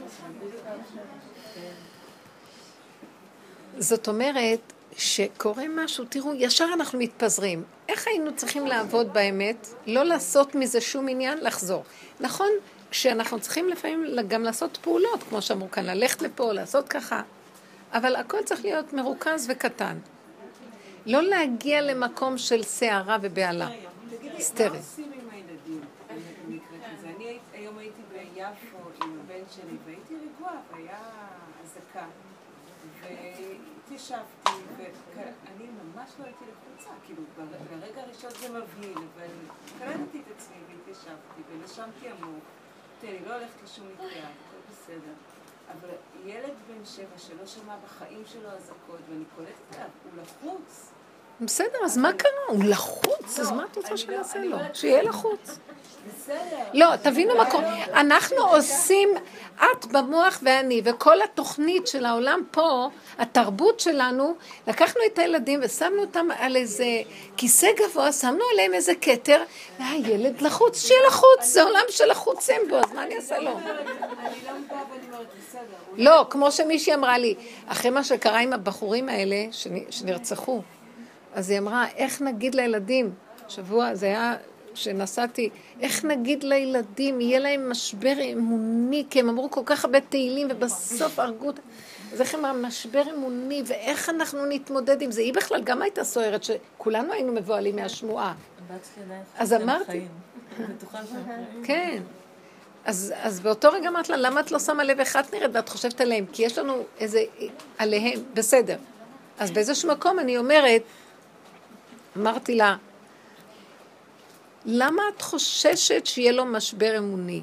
המוח שלך התרחב, והמוח שלנו של וייתם כאלוקים, שבדור הזה, וואו, איך אנחנו כל יודעים, מבינים לנפשו של הילד, זאת אומרת לעץ הדעת שלו, שאנחנו קוראים לזה נפש, ואנחנו מפרנסים את כל התנודות שלה, ואז עכשיו אנחנו מפחדים שיהיה לו איזה משבר, כי הוא יחשוב איך כל כך הרבה אמרתי ולא היה שום תוצאה חיובית לזה. אז באיזשהו מקום, אני אומרת, תחזרו ליסוד הראשוני. אם הילד שואל שאלה, תגיד לו, השאלה שלך לגיטימית, אבל אנחנו לא עובדים, הקדוש ברוך הוא לא עובד בשירות שלנו, אנחנו צריכים להגיד תהילים. חוץ מזה תוצאה שייכת לו, למה ככה וככה זה העולם? ואז את מרגיעה אותו בפשטות. בוא נגיד, הילד היה לחוץ כי הייתה אזעקה. אז גם אני אה, התקשרתי אה, לנכדים, כי הם בבני ברק, והיה שם. אז הילד היה אה, לא רגוע, אז אמרתי לו, אתה יודע מה? גם אני לא הייתי רגועה. אמרתי לו, למה אתה חושב על עצמך? גם אני לא הייתי רגועה, אמרתי לו. ישר לקחתי את זה ברמה של, אה, תוריד את ה... מה אתה כל כך מרוכז בעצמך? ואני מרוכזת בך, והסבתא מרוכזת בו, והוא, והוא מרכז העולם, וכולם דואגים לו. ומה איתי? למה לא דואגים לי רגע? אתם יודעים מה, אם את היית אומרת, תדאג לי, כי אני לא רגועה, אז הוא היה שוכח מהחוסר רגיעות שלו, ובא לטפל בך, וזה הדבר הכי טוב שיש בעולם. תגדלו את הילדים שהם ייתנו קצת משהו לנו גם, ולמה כל הזמן רק אנחנו צריכים לתת להם ולפחד עליהם? איזה דור משונה זה. כן. את אומרת מגיע אור, אוקיי? זה כן. יכול להתפרש בצורת חרדה. מה שאני אומרת, אה, הוא לא מכיר, הוא יודע מה זה נכון. פצצות, הוא לא יודע מה זה קסאמים. זו פעם ראשונה והוא עדיין מגיב בצורת חרדה. מאיפה? הוא לא מגיב חרדה כמו שאת חושבת, הוא מגיב לחוץ. הוא מגיב קודם כל חשוד. לא מוכר לו הקול הזה. את, את מבעת... למה? אני רואה, הוא- אומר, אני מפחד, אני בלחץ, לא עושים, כן. כן, כי זה קול מז... התקשרתי הביתה עכשיו, אני יודעת שבעלי נורא לחוץ.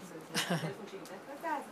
בכל אופן, שאלתי אותו מה עשיתם, אז הוא אמר לי, יצאנו לח- לחדר מדרגות עם השכנים. והקטנה, יש לי בת בת שש, מה מה היה איתה? אז אמר לי, הערנו אותה, לקחנו אותה, חזר, חזרה לישון. כן. זאת אומרת, רגע, רגע. לא, בסדר, אני, אני רוצה רק לפרק, אני מבינה מה שאת שואלת. כולנו באותו מהלך. אני אומרת, מאיפה זה בא להם, אם זה יורד בצורת אור, ואת אומרת, אנחנו מפרשים את זה ככה. אבל יש לו עץ הדעת, הילד הזה גדל בתרבות, הוא לא תינוק בן יומו. הוא כבר הספקנו לקלקל אותו הלוך ושוב לאורך ולרוחב. ש... זאת אומרת שהוא כבר, הדמיון שלו פתוח, והוא גם קולט את התנודות של בן אדם. זה באמת קול מזעזע. אה, היתקע שופר ב... כתוב, היתקע...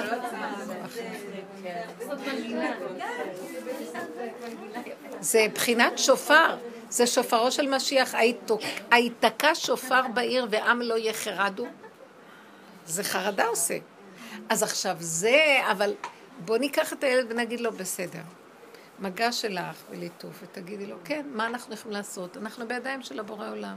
אם אנחנו מחנכים את הילד נכון, ונבקש לו שיגן עלינו.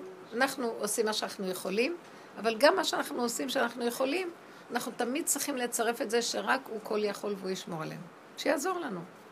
ל- ל- לא לתת על הילד, כי ילדים שלא מגדלים אותם לדת או אמונה, זה עול מדי גדול שהוא ישמור על עצמו. זה הח... איך בני אדם מחזיקים את החיים בלי אמונה, זה מאוד קשה.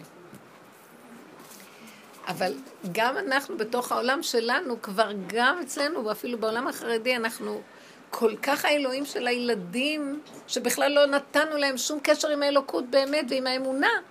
עם כל זה שהם אומרים השם חמישים פעם ביום. אבל אין להם קשר איתו אמיתי. זה הרגע של קשר אמיתי, תתמודד. מה תתמודד? תצעק, אבא, אני מפחד, תשמור עליי. יפה מאוד. למה אתה חושב שאני צריכה לעשות את זה בשבילך? אני אעשה את זה בשבילי, ותלמד ממני. אני הנהגה בשבילך ללמוד. המחזה. זה מקום של לחיות את הדבר. אז מה עכשיו השאלה? אין שאלה, נכון? את רואה איך פתרנו את כל הבעיות? גם איתך אני אומרת לך, רגע, את עכשיו מספרת סיפור שהיה, ואני רציתי לשאול אותך מיד, ב... זה קרה לך? לא. זה קרה לחברה, אבל לא קרה לך. אני רוצה לומר דבר רגע, שכן אני לא שואלת, לדבר. זו שאלה אה, רטורית. עכשיו, לא זה הכוונה. המוח מתרחב מהדמיון. נכון שקרה כזה דבר, מה אני צריך לעשות? טק, טק, טק. אם אני אשאר ואתרחב עם מה שקרה לזה וזה, וזה מה שאנחנו עושים. אנחנו, הראש שלנו מלא בעיות שהן לא שלנו. אבל זה מלא, כן מלא. טראומות שהן לא שלנו. מלא הסתבכויות שהן לא שלנו. ואנחנו חולים. ואנחנו לא קשורים לזה באופן אישי. אפילו אם זה היה חס ושלום קורה אישי, צריך לסגור קו ולהיות קטן. ומה עם המצוות צדק? כמו למשל? האימא של פרנקל, אז היה לה איזה מקום שהיא פעלה קצת, נכון? פעלה באיפוק ובהתבוננות והפנמה. וגם כשהיא עשתה מה שצריך לעשות, אבל היא הקרינה מקום של ריכוז. אני מדברת כללית, כי לא ממש מכירה. למרות שהייתי שם בלנחם, אני לא מכירה ממש. אבל ראיתי שיש לה מקום מרוכז ומכוונן. אז הדמיון פחות מתרחב, ומגדירה כל דבר במקום שלו. אני עושה מה שאני יכולה, אבל זה לא שלי, זה גדול עליי. השם לא עובד בשירות שלי. מבינים? אז, הביא, אז עכשיו פחות כאבים יש לה, ברור. פשוט. נכון שיש כאב, אבל אפשר להכיל אותו. זה לא כמו דבר שהוא, ש, שזה נקרא ימותו ולא בחוכמה. אנחנו כל הזמן מתים ואין אין חוכמה במיטות של המשונות שלנו, אתם מבינות? מה את אומרת? צדק צדק תרדוף, הבן אדם...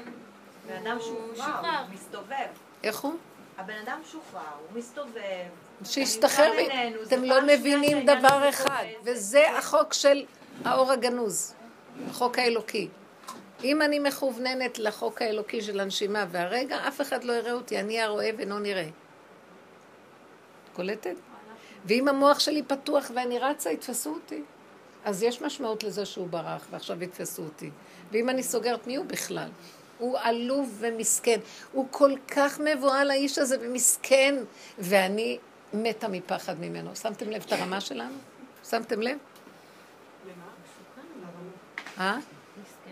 המוח שלי עושה אותו מסוכן. אני מאוד מאוד מאוד מאוד מאוד מפחדת מהמוח הזה. אפילו אם אדם לא מרגיש טוב במשהו, נפתח לו המוח, מסוכן. לסגור, ולעשות משהו קטן ששייך. אז משהו בהקשר רציתי לשאול. כשיש לנו בנות קטנות, זאת אומרת, צריך פשוט להזהיר אותן. מה זאת אומרת להזהיר אותם? זה לא, לא... זה לא... כן, אני סליחה, כן. כן. אני אמרתי לילדים שלי, מאחר והיו כל מיני שמועות על חטיפות, אז אמרתי לנכדים, לא, אמרתי לאימא ולאבא, אל תשחרר, אל, שלא יגיעו לבד הביתה מהחיידר, שמישהו, או שחבורה של ילדים תלך ביחד, או שזה מבוגר ילווה אותם. פשוט, בלי היסטריה, בלי של... כלום. הכל צריך להיות קורקטי, מכוונן, מדויק לנקודה. כן, זה עולם המעשה. צריכים לפעול בעשייה, זה עולם המעשה, אבל קטן קצת, ויש בזה ברכה. כשאני מצרפת תפילה ואומרת, ריבונו של עולם, אני את שלי עשיתי, תעשה אתה את שלך, כי אם השם לא ישמור עיר, שב שקד שומר. זה דרך חיים נכונה, מכווננת, קטנה, מדויקת, ואין לנו פחד. וכתוב בפרשת בחוקותיי. אין כאן חומש. יש חומש? אה, איפה זה מופיע? חוקותיי? פרשת אה, ויקרא נראה לי? אולי בשמות. לא נורא. אני יכולה גם להגיד בעל פה, אבל אני אוהבת לדייק את הכתוב. אם בחוקותיי תלכו, אוי, תביא את זה, זה גם טוב, תודה, הנה הביאו תודה רבה רבה. ברוכים תהיו. הנה, שנייה אחת.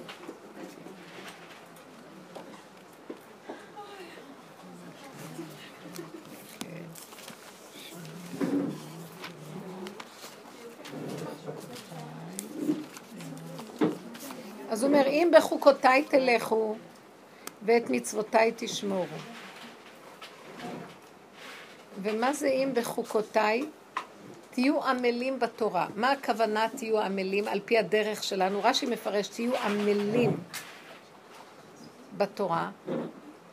אם תחקקו בבשר שלכם את המציאות שאני מדבר איתכם. אל תשננו בעל פה, ושזה לא יהיה כתוב, ואז נמחקת אות, והמילה יכולה ליפול מהכתוב. שזה יהיה חקוק בבשר. אם תחקקו את המציאות שאני אומר לכם, תחיו אותה, שהיא תהיה מעשית, תורידו אותה למעשיות, ונתתי גשמכם בעיתם. זאת אומרת, הגשמיות שלכם תהיה מסודרת. כל, המג... כל דבר שבחוק הגשמי, לא תדאגו לו. ונתנה הארץ יבולה, ועץ השדה ייתן פריו, שפע, ברכה. והשיג לכם דיש את בציר, ובציר ישיג את זרע. עוד לא שתלתם? כבר זה צומח. עוד לא קצרתם? כבר יש לכם את הכל מסודר. לא תרגישו את התהליכים. יתכווץ כל המרחב הזה, ויתקיים לבד מאליו. ואכלתם לחמכם לשובע. אין בעיות פרנסה, רבותיי. כי גם אין תחושה שאני צריך להתאמץ בשביל להתקיים. ואכלתם לחמכם לשובע. לא צריך שלוש פרנסות כדי לסדר את האובר, כי המעיים אוכלות קצת ושבעות, והעין רואה והיא לא חומדת. הוא יכול לסדר לנו כל המהלכים של ההתרחבות, וההסתעפות, וההתקלקלות והדמיון של מציאות החיים שלנו הולכת ונהיית קטנה, פשוטה, מכווננת, ברכה. וישבתם לבטח בארצכם, ביטחון. לא צריך צבא, לא צה"ל. ונתתי שלום בארץ. מה זאת אומרת? מה אתם חושבים שיהיה פה? ושכבתם ואין מחריד, והשבתתי חיה רעה מן הארץ, וחרב לא תעבור בארצכם. מה אתם חושבים שיהיה פה, רבותיי? יש לנו איזה פתרון לכל הפלסטינאים והערבים שנמצאים פה? שהם כל כך, יש בהם התפעמות של שנאה. ואת לא יודעת מאיפה זה יכול לצוץ ברגע אחד. אין לנו פתרון לזה. אנחנו הם לא מתעסקים עם הפלסטינאים. אנחנו מתעסקים עם הנכדים שלהם שכבר התרבו, ואין לנו, הם כבר ינקו את השיטה מדור לדור לדור. זה כבר כמה דורות שאנחנו כאן עם הטרור הזה, זה לא היום התחיל. 60 שנה של טרור פה. זאת אומרת, זה הולך ומתרבה, וזה הולך ומתגדל, ואין לנו איך לטפל בו. אין לנו איך לסלק אותם. יש בעיה עם עזה, לא יודעים מה לעשות עם עזה. אז עכשיו תראו, אל, את רואה? בואי, אני מדברת בטבע. אבל אם היינו מכווצים, תראי, את אומרת עכשיו תוצאה ניסית. אבל את התוצאה הניסית שהשם יעשה, כי הוא צריך שיהיה קרקע שהוא יתגלה והוא יעשה נס. אז זה אני. מה אני צריך לעשות? לסגור את עץ הדת. גירוי תגובה, גירוי תגובה. הם קמים עלינו, אנחנו עליהם. אנחנו הולכים בכוח והם מחר בכוח. ואין לדבר סוף. יש פתרון.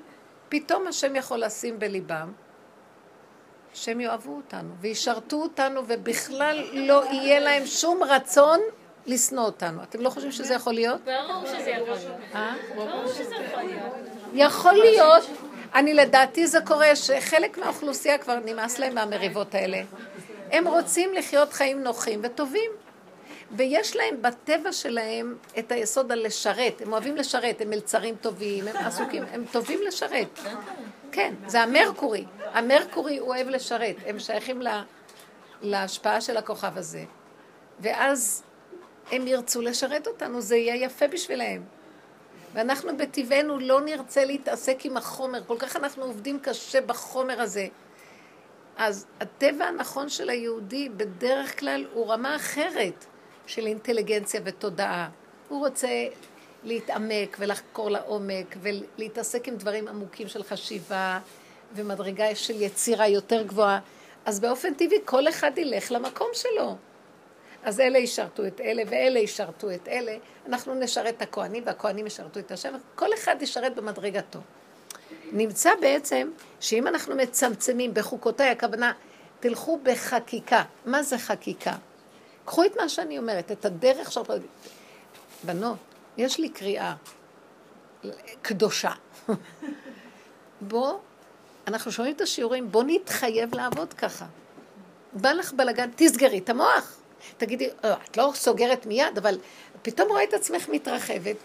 תלמד, את שומעת כאן שיעורים, זה לא שיעור. תתחייבי לעבוד. אם את נותנת, אז זה כאילו את חקוק לך, הדיבור הזה חקוק. אני חיה את הסכנה. רגע מישהו אומר לי משהו, אני חיה את הסכנה שאני, ואני רחוקה ממה שאני אומרת לכם, שאני הולכת להרוג אותו. אני לא יכולה להרוג. אבל אני כל כך מגדילה בזכוכית מגדלת, שאני מכריחה את עצמי מיד להפסיק, כי אני הולכת להרוג, ואני מסוכנת. היו המון אנשים שהרגו, והיה מאוד מוזר שהם הרגו. כי ברגע אחד זה יכול לקרות לבן אדם, אז הוא צריך לחיות את הסכנה שלו. זה לא הוא, זה הכוחות שמשכנעים אותו, משכנעים את הבן אדם כוחות, וברגע אחד יכול להרוג את הילדים שלו, והוא לא יודע מה הוא עשה אחר כך. זה דברים מוזרים שקורים מאוד חזק עכשיו. כי יש השתוללות שם, ולכן האדם לא צריך ללכת על המוח הזה בכלל. ואיך אנחנו בטבע פתוחים, והשכלות, והבנות, וספרים, ועולמות, ודיבורים, ווכחנות, ושיטות, מטיילים שם לאורך ולרוחב, ולמה שלא יהיו 80% מהאוכלוסייה עם כדורי הרגעה לחרדות? כי הכל פתוח. בוודאי שכשהמוח פתוח ויש בו מחשבות שונות ואפשרויות שונות, גם ההרגשים הולכים אחרי זה. ואחרי כמה זמן הכוחות נופלים, כי הרגש משפיע, אז נהיים חולים. ולמה שלא יהיה כל כך הרבה מחלות היום? כי זה משפיע. אז אם היינו סוגרים, סוגרים. ואני סיפרתי לכם על, אולי על מישהי שהייתה אצל רב אושר, תלמידה ותיקה מהדורות הראשונים שהגיעו אליו, שהיא הייתה מבני ברק, אני עוד הכרתי אותה, והיא באה פעם לרב אושר, אמרה לו שהיא לא מרגישה טוב. אז הוא אמר לה, אין לך כלום. אז היא הלכה לרופא, סיפרתי לכם? אז הוא אמר לה, הרופא אמר לה, יש לך, יש לך מחלה. חזרה לרב אושר, ואמרה לו, הרופא אמר שיש לי מחלה, את המחלה. אז הוא אמר לה, אין לך את המחלה. אז היא הלכה לרופא ואמרה לו, הצדיק שלי אמר שאין לי את המחלה. אז הוא צחק. והיא חיה עוד הרבה שנים אחרי זה, שאין לה את המחלה. אז בוא נגיד מה היה בינתיים. היו לה מצבים שהיא לא הרגישה טוב. אז היא ידעה שהיא לא מרגישה טוב. אז נתנו לה כדור או טיפול. אז היא ידעה שהיא לא מרגישה טוב, אז היא מקבלת כדור. אבל היא לא ידעה שיש לה את המחלה. במרכאות, הבנתם? כי הצדיק אמר לה שאין לך את המחלה. עץ הדת היה נעול, אז היא עשתה את דברים שהייתה צריכה לעשות. אבל אתם יודעים, היו לה אולי איזה 17 שנה אחר כך שהיא חיה. היא חיה חיים טובים יותר מאדם שיודע ומבוהל. אז זה הוא רצה להשיג אצלה, והוא הצליח להשיג, כי היא תמימה. כי היא הלכה אחרי הצדיק בלי קושיות. והאמינה לו. היא הייתה נורא תמימה. אני זוכרת שהלכתי לבקר אותה ביום שלפני שהיא נפטרה בבית החולים. והיא דיברה איתי בכזה צחוק. והיא אמרה לי, אין לי את המחלה. לנו זה נראה דבילי, את מבינה? אתה מבין מה אני מדברת? יותר טוב להיות פשוטים ברמה הזאת ולחיות חיים שמחים וטובים, ממש לחיות חיים דעתניים מלאים חרדות ופחדים וכאבים ומה לא. בסוף כולם מתים הלא. אז מה כבר קרה? באיכות חיים. אה? למה? באיכות חיים. בדיוק. כדי שלא תראי מוזרה, בדיוק רציתי להביא את זה, שזה? קרה לאימא שלי ממש. כן. אימא שלי שמעה ברדיו שלמחלה באיזה אזור מסוימת אה, כאלה וכאלה סימפטומים, והיא שומעת, והיא אומרת, וואלה, אני אלך לבדוק. היא הלכה לבדוק, ומצאו משהו. לא כאב לה, לא, היא לא חשבה על הסימפטומים, ש... כאילו, אבל היא הלכה ובדקה, מצאו. צריך ניתוח, ניתוח. בניתוח החליטו צריך עוד ניתוח, חזרה הביתה, חזרה עוד ניתוח, צריך כימותרפיה, התחילה כימו- כימותרפיה. עכשיו אני, זה היה בארצות הברית, אני הייתי פה והשתגעתי מהדבר הזה, ממש השתגעתי, ומישהי שאני מכירה ש... שמרפאה דרך אוכל טבעי, פשוט היא כאילו זעזעה אותי, אמרה לי, אם את לא תלכי לשם, הם פשוט יהרגו אותה עם הכימותרפיה. קמתי עם התינוק, הלכתי והתחלתי עם אמא שלי קצת אה, מהמיצים וכאלה, אוכל טבעי והיא הייתה אמורה, שבועיים עברו מהכימותרפיה, היא הייתה. יותר טוב כל יום, אמרתי לה, אמא, את מרגישה טוב היום, אני פה עוד שבוע, אולי תצחי את הכימותרפיה, עוד שבוע יהיה לנו טוב יחד. היא דחתה, עוד שבוע היא התחזקה, אמרתי לה, ראית, שלושה שבועות עברו, עכשיו את מרגישה ממש יותר טוב. אולי תדחי עוד כמה שבועות? אם, אם זה כל כך קשה לך, מי יודע כמה זמן יש לך? אולי פשוט תהני מהחיים עוד כמה חודשים. אז היא דחתה, וכל פעם דחתה, ודחתה, ובינתיים דיב, דיב, את המיצים, טיפלתם. אבל דיברתי איתה על המקום הזה שכאילו לא היו לה סימפטומים, ואיך את מרגישה היום? היא אמרה, בסדר היום. אמרתי, וואלה. אולי תמשיכי בבסדר. ומתישהו, כאילו, גם עשיתי, גם התפללתי, נשמת כל חי 40 כן. ימים לנס ממש. והנס שביקשתי זה לא היה הבריאות שלה, כי ידעתי שהיא בריאה. הנס שביקשתי זה שהיא תפתח, תפתח את, העיניים ו- ו- ותדע שהיא בסדר. אז היא אמרה לרופא, אני לא חוזרת. והוא אמר, טוב, זה היה למניעה בכל מקרה. הוא עזב, אותה. כאילו, לא הייתה חייבת, אבל כדאי שיהיה קצת חומרים בגוף, ולכל אבל מקרה שאם יקרה משהו, ממש אז... ממש אה, חלשה מזה. אז ברוך השם היא התחזקה, וכל פעם היא חוזרת, ו... ברוך השם. קטן. כיוון דאידחי אידחי, כתוב בגמרא, שאם כבר דוחים אז זה כבר דחוי. בעזרת השם. לא, אני אומרת, לסגור. נכון שזה נראה כאילו בת יענה יכולים להגיד לזה. אתם יודעים מה? אנחנו מבקשים את הקדוש ברוך הוא שיתגלה עלינו. לא יכולים להתמודד עם המוח הזה, מה שהוא יכול לעשות. אם היינו מבינים כמה סכנה, בכלל היינו חיים ברמה אחרת לגמרי. יותר עכשוויים, יותר פשוטים, יותר בהנהגה פשוטה וקיימית, שהיא קיימות פשוטה, הווייתית. לא מחשבות, הבנות, ידיעות, השגות. פשוט. מישהי שיש לה חרדות, אז כשהיא פוגשת אותי, אז היא, היא נכנסת לתאר לי מה קורה. מפעם לפעם אני כל הזמן נותנת לה כללים איך סוגרים. וכל פעם שהיא באה מחדש, אני רואה בן אדם אחר.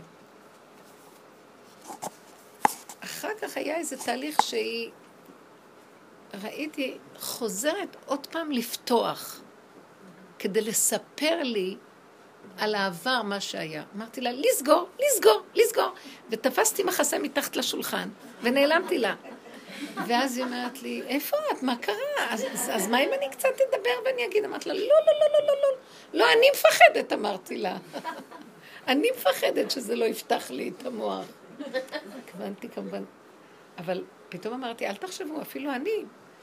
לא רוצה, יש, אנחנו שומעים בלי סוף, רואים בלי סוף, מדברים בלי סוף. מה יש? סליחה. תצמצמי את מה שאת שומעת, את לא צריכה לשמוע הכל. אפילו אם מישהו מדבר, וזה לא יפה להגיד לו, אני לא מקשיב לך. את לא צריכה להגיד לו.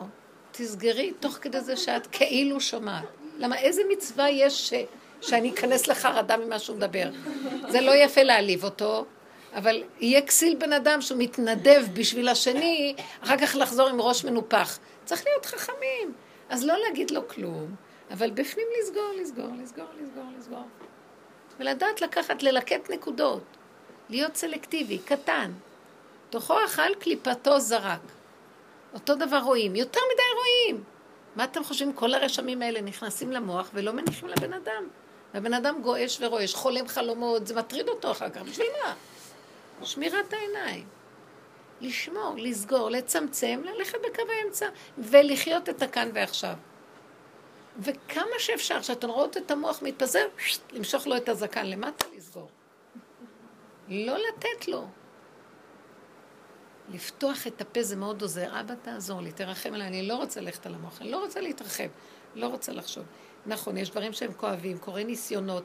עיקר הניסיון בעבודה שלנו, שבא לאדם, מטרתו לבחון אותו, אם הוא מתרחב על עץ הדת, לחפש פתרונות ולהיות גדול וכל יכול, או להגיד, אני לא יכול, אני לא בוחר להיות שם, אני לא יודע מה לעשות, הורני השם דרכך. תן לי עצה, תן לי תושייה, אני עכשיו סוגר את המוח, וכשאני שקט, אני אדע מה לעשות. יהיה נקודה שאת תדעי. אם היינו מכווננים וסגורים, היינו קולטים מסרים מדהימים, מדויקים למה שאנחנו צריכים לעשות.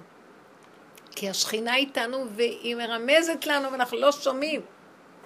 רבי נחמן אומר על זה, שהשכינה כל הזמן מרמזת לבן אדם, אבל הוא, איפה הוא בכלל? כל הזמן היא מדברת אליו ומסבירה לו. כל אחד והשכינה שבו. לעניין הספציפי שלו ולצורת חייו והכל. אבל אנחנו בריחוף, בגדלות, ב... ולא תטורו אחרי עיניכם ולבבכם אשר אתם זונים אחריהם. תרים, פו, רחוק רחוק. צמצום, התכווננות, ריכוז ועכשוויות. ותפילות, בקשות. ותדעי, כשאת מוציאה את המילה שאמרת ואת הבקשה שאת מרוכזת בקטן פה, השם שומע ויעשה, לכי לישון עד יום ראשון. הכל בסדר. זה יסתדר. תאמיני. כי בקו האמצע את יכולה להאמין. כשאת פה את אומרת, מי, אמר שהוא שמע? אולי הוא יושן. אז תקרא לו בקול יותר רם, אולי הוא ישמע. אתם מבינים איך שהמוח מבלבל את הבן אדם בהמון ספקות ובלבולים ואז ההרגשים מצטרפים. יו, איזה גיהנום אנחנו. פרק ס"ט בתהילים, תקראו אותו. דוד המלך מתאר מצב של בן אדם שהוא קולט שהוא שבוי במטריקס, וצועק, הוציאה ממסגר נפשי, חרפה שברה ליבי, אני... וואי, איזה חיים. אנחנו מה זה חרפה? מבוזים! העץ הדת הזה מבזה אותנו. אנחנו מתנהגים בלי רמה. המחשבות שלנו, אין להם רמה. קוראים לזה אני חושב. אין לזה התחלה של חשיבה. אז הוא היה קורא לזה חרפה שברה ליבי כשאני רואה איך אני נראה. אבל הוא גורם לי להיראות ככה, כי הוא מפתה אותי, תעשה ככה, תגיד לו ככה. אחרי רגע אתה אומר, איזה תגובה אמרתי. איך אני טיפש נופל כל פעם באותו דבר? איך אני נראה? איזה... אבל זה לא אני אשם, אני שבוי במנגנון משוגע שבולע אותי, אוכל אותי, מקיא אותי, ועוד פעם למחרת אוכל אותי ומקיא אותי, ואני... אני השפוט שלו. ודוד המלך צועק, כי הוא הכיר את המנגנון. אתם מכירים את המנגנון? תכירו. זה מפחיד. המנגנון הזה, אם היינו מכירים אותו, היינו אומרים, אבא, אני לא רוצה לחשוב, אני לא רוצה לדעת, לא רוצה להבין, לא רוצה להיכנס בו. טק, טק, טק, טק, לא רוצה. אני רוצה להיות שייכת אליך, כגמול לאימו, כגמול לנפשי. אני רוצה קטן, מרוכז. החוכמה היא קטנה, היא נקודתית, היא אטומית, היא ריכוזית. איזה אור יש בה. היא מדויקת, היא, היא מיוחדת. למה אני צריכה את כל הסערה הזאת? בלבולים, קשקושים, רגשות. אז אם היינו עובדים יותר בכוונון, פתאום היית רואה, מי זה האיש המסכן הזה? מה קרה? לא קרה כלום. לא קרה כלום. למה שאת תפחדי שהוא יפחד? כל היום אנחנו מפחדים מכולם, למה שהם לא יפחדו סוף סוף? ולמה שאת תחרדי על הילד, שהילד אולי ידאג לך קצת גם? שמתם לב מה עשינו? אנחנו מדי גדולים, ואנחנו שבויים בקליפה של... אנחנו במצוקה. עומס, עומס, עומס, עומס, עומס, עומס, ואנחנו צריכים לנהל את העולם, את הילדים, את הבעל, את המקצועות, את הפרנסות, את ה... הלאה, מיד בכלל. תגידי, את נושמת? בורא עולם מחזיק אותי כל נשימה, אל תעזוב אותי אבא. לחם חוקי אטריפני, שנאכל לחם ונשבע ונהיה טובים. נסבע לחם ונהיה טובים. כך כתוב. אז מה, תראו מה קרה לנו. מה כל החיים האלה, רבותיי? מעכשיו עם כל מה שקורה פה. יאללה, גם כן, כל הטילים האלה. אפשר לחשוב שיש לנו חיים במילא. גם בלי הטילים אנחנו לא חיים. אז מה אנחנו כל היום מפחדים על הקיומיות העלובה הזאת, שממילא אם אני מסתכל עליה, אני אומר, רק לגדל את הילדים האלה, רק לח... כל החרדות של הגידול, כל השלום בית הזה, כל הפרנסות האלה, לחתן אותם, ריבונו של עולם, זה משגע כמה כסף. ואחר כך הם עוד באים אלייך וממשיכים עלייך. אה. נו, אז, אז מה אני כל כך מפחד, כאילו? מי הם בכלל הפלסטינאים האלה, ריבונו של עולם? מי הם הערבים? אף אחד לא קיים פה. וכשאני מסתכלת ואני חיה בצמצום, אני אומרת, ריבונו שלם, איזה פספוס. הם לא קיימים, אף אחד לא קיים, רק אתה חי וקיים. גם אני לא קיימת. נשימה אחת, והיא שלך כל רגע. אז תחזיק אותי אליך, ונגמר העסק הזה כבר. העולם שלך, נשמה לך והגוף פה לך, אין לי בעלות פה על כלום. ואתם יודעים מה? מתחילים לחיות חיים טובים. ואז אני אומרת לו, אתם יודעים, אני רוצה להגיד לכם משהו? בתוך הנפש הבן אדם הופך להיות נקודה. בחוץ הוא נראה כרגיל. אומרת לו, אבא, רק שלא יראו בחוץ שאני כזאת קטנה. לא נעים. לא נעים. תעשה טובה. אני מצידי לא אכפת לי להראות לכם באמת מי אני, אבל אי אפשר בתרבות כל כך הפוכה אה, לגלות את המטמוניות האלה. כי הכל כל כך פשוט, אנחנו כלומניקים. אין לנו כלום. אתם יודעים מה? אין לנו, אנחנו דפוקים לגמרי. אני אומרת לכם את האמת, יש לנו נשימה. ואם השם לא נותן אותה כל רגע, אין לנו גם זה. והוא בתוך זה מסדר גם את התוספות. הוא גם ייתן אוכל לנשימה, לגוף ש... שסוחב את הנשימה, והוא יסדר את הקורת גג. שיסדר. ואם הוא מביא לך הפרעה, אני אומרת לו, אבא, אמרת שאתה מסדר, מה, אני לא יכולה, תסדר. אם היינו חיים ככה, הכל עליו, אין לכם מושג איך הדברים היו זורמים. זה לא שלנו פה כלום. הוא רוצה שיקח את הארץ הזאת. מה, נשתגע עליה? למה שאני אמות על שום דבר? לא אמות כי אחי אומר דוד המלך. גם הדמיון שאני מת עליך. לא, השם רוצה שנחיה עליו. הוא רוצה להתגלות דרכנו, הוא רוצה חיים, בחרת בחיים. אז כל המהלך הזה של ההתמסרות היתרה היא רק של עץ הדת בתהליך איך יורדים ממנו. אבל באמת, באמת, בסוף נשאר ילדים קטנים, שמחים, נהנתנים, וגר זאב עם כבש. וכל אחד כפי שהשם ברא אותו, אחד הוא מסוגל ללמוד ולהחכים, אז הוא ילמד ויחכים, ואחד יצירתי, ואחד פועל ועושה במעשיות של הידיים והרגליים, כל אחד איך שהשם ברא אותו. ואין שום בעיה, ואין שום מצוקה, ואין כלום. בואו נח, נחזיר את העולם הזה לבורא עולם.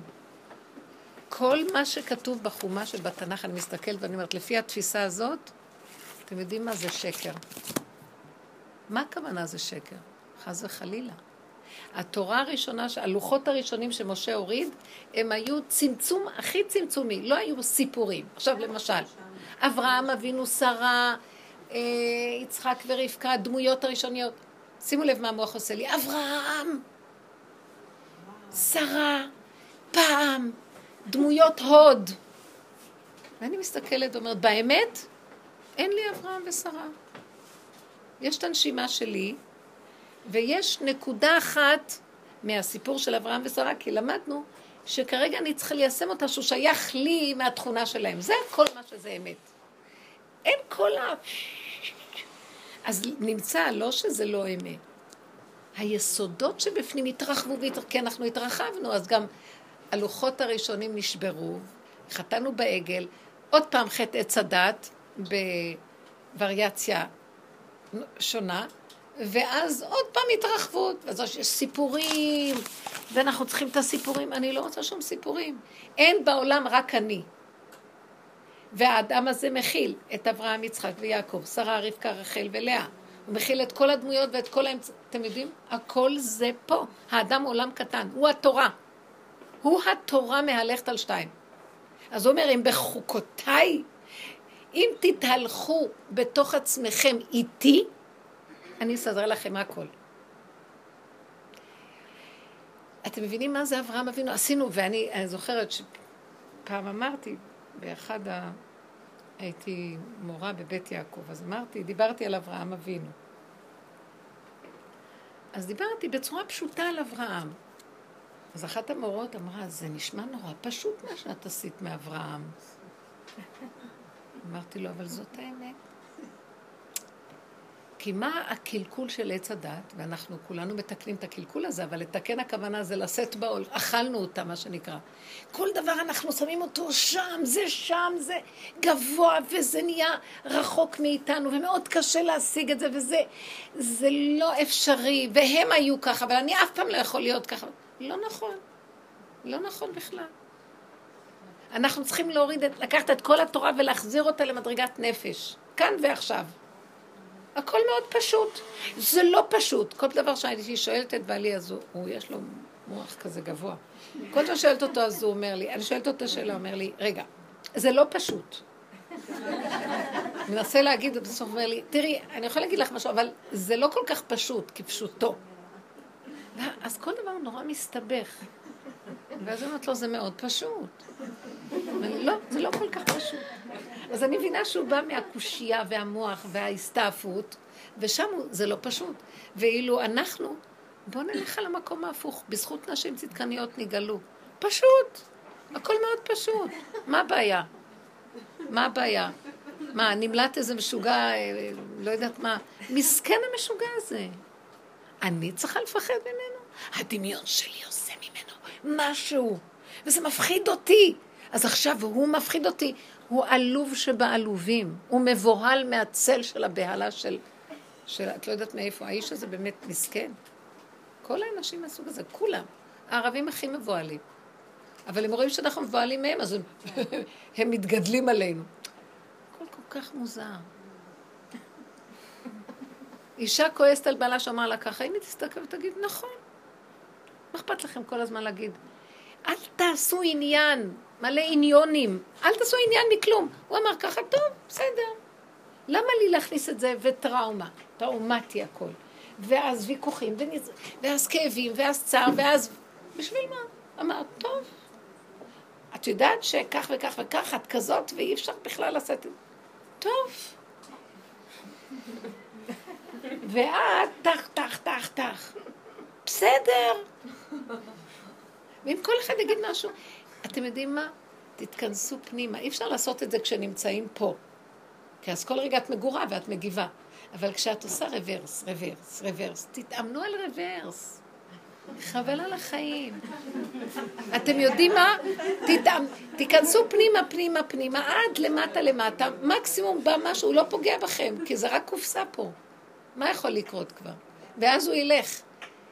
תדעו לכם, כשחיה עוברת ורואה אה, מישהו מונח מת, היא הולכת.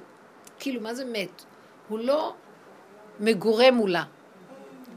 תתקררו, תכנסו פנימה, תתעייפו, שבו על כיסא נוח אחורה.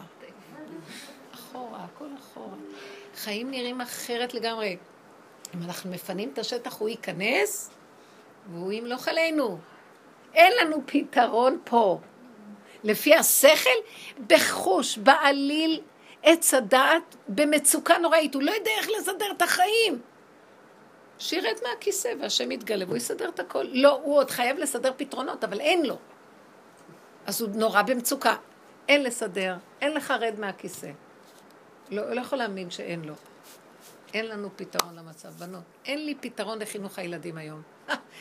כמה שנים, אני יועצת בחינוך, יועצת ב... מה לא, שלום בית הכל. מגיעים אליי שלום בית? תתגרשו. מה, באנו לייעוץ. אז, אה, אז תאהב אותה. לא, אבל היא עושה לי ככה. אז תתגרש. אמר לי, מה הולך פה? אמרתי לו, תשמע, לפי עץ הדת אין לי פתרון. אם תקשיב לי, יש לי משהו להגיד לך. רד ממנה בכלל. מה, מה את מתכוונת? אה, באמת היה אצלי השבוע מישהו. תעזוב, יש לך, אתה אחוז ברגשית. תעזוב אותה מבחינה רגשית, תעזוב אחיזה רגשית בה. היא קיימת, אתה קיים. גולם, גולם. קורת גג גולמית, ילדים גולמים, הכל גולם.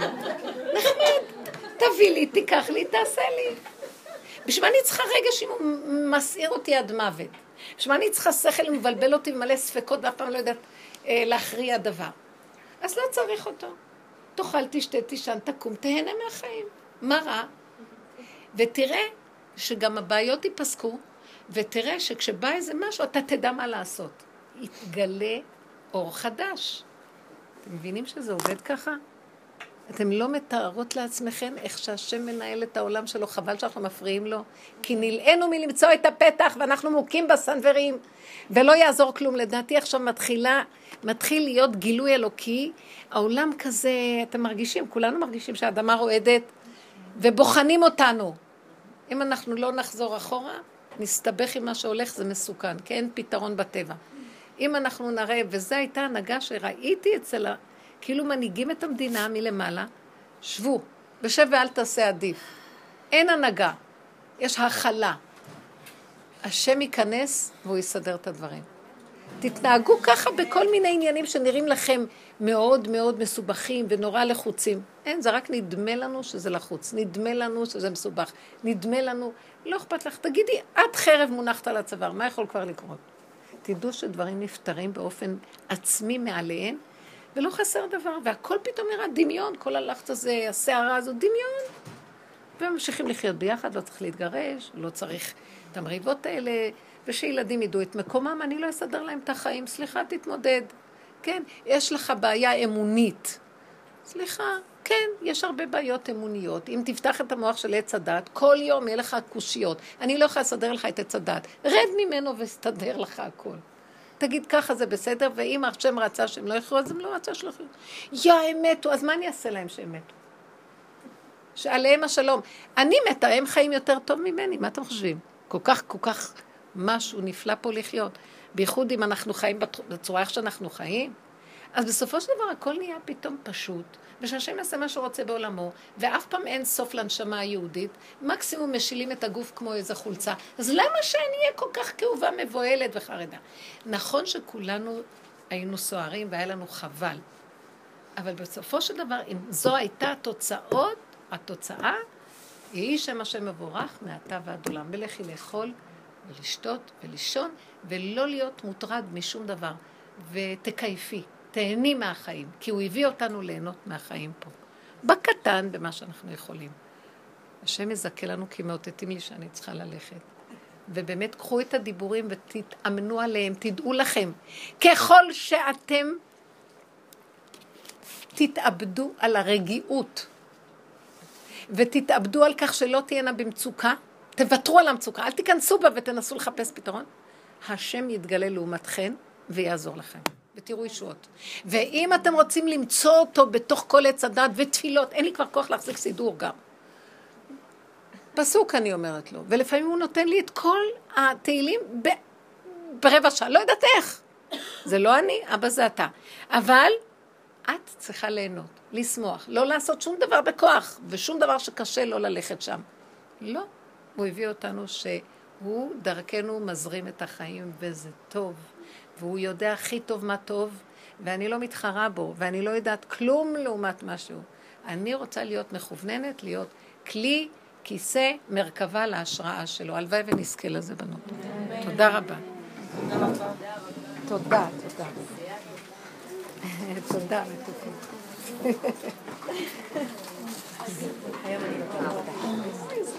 אה, לא מור? את רצית? כן. אם בסדר.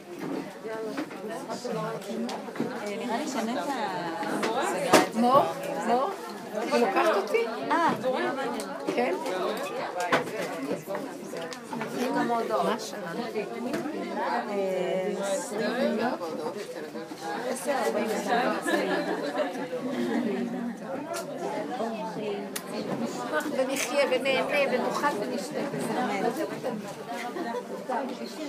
שיהיה ישועה לעם ישראל, לחיילים שם בעזה, אף אחד לא... היום פתחתי את התהילים, איך שקמתי בבוקר, לא יכולתי לישון.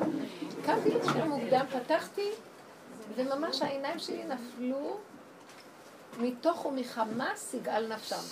ויחי, ויחיה. בעזרת השם, אף אחד לא ייגע בנו.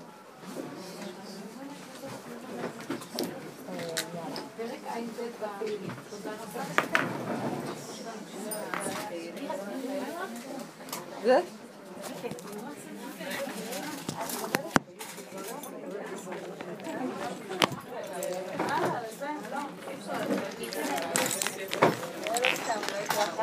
Thank you. פרק ע"ב בתהילים. תודה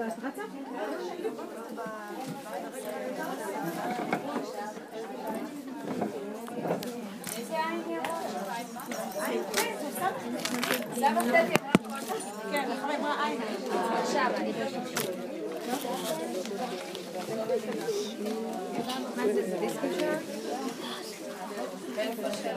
זה?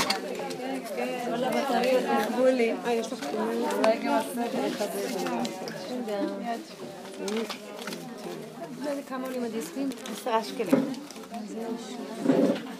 האחרון זה האחרון, לפני שבועיים.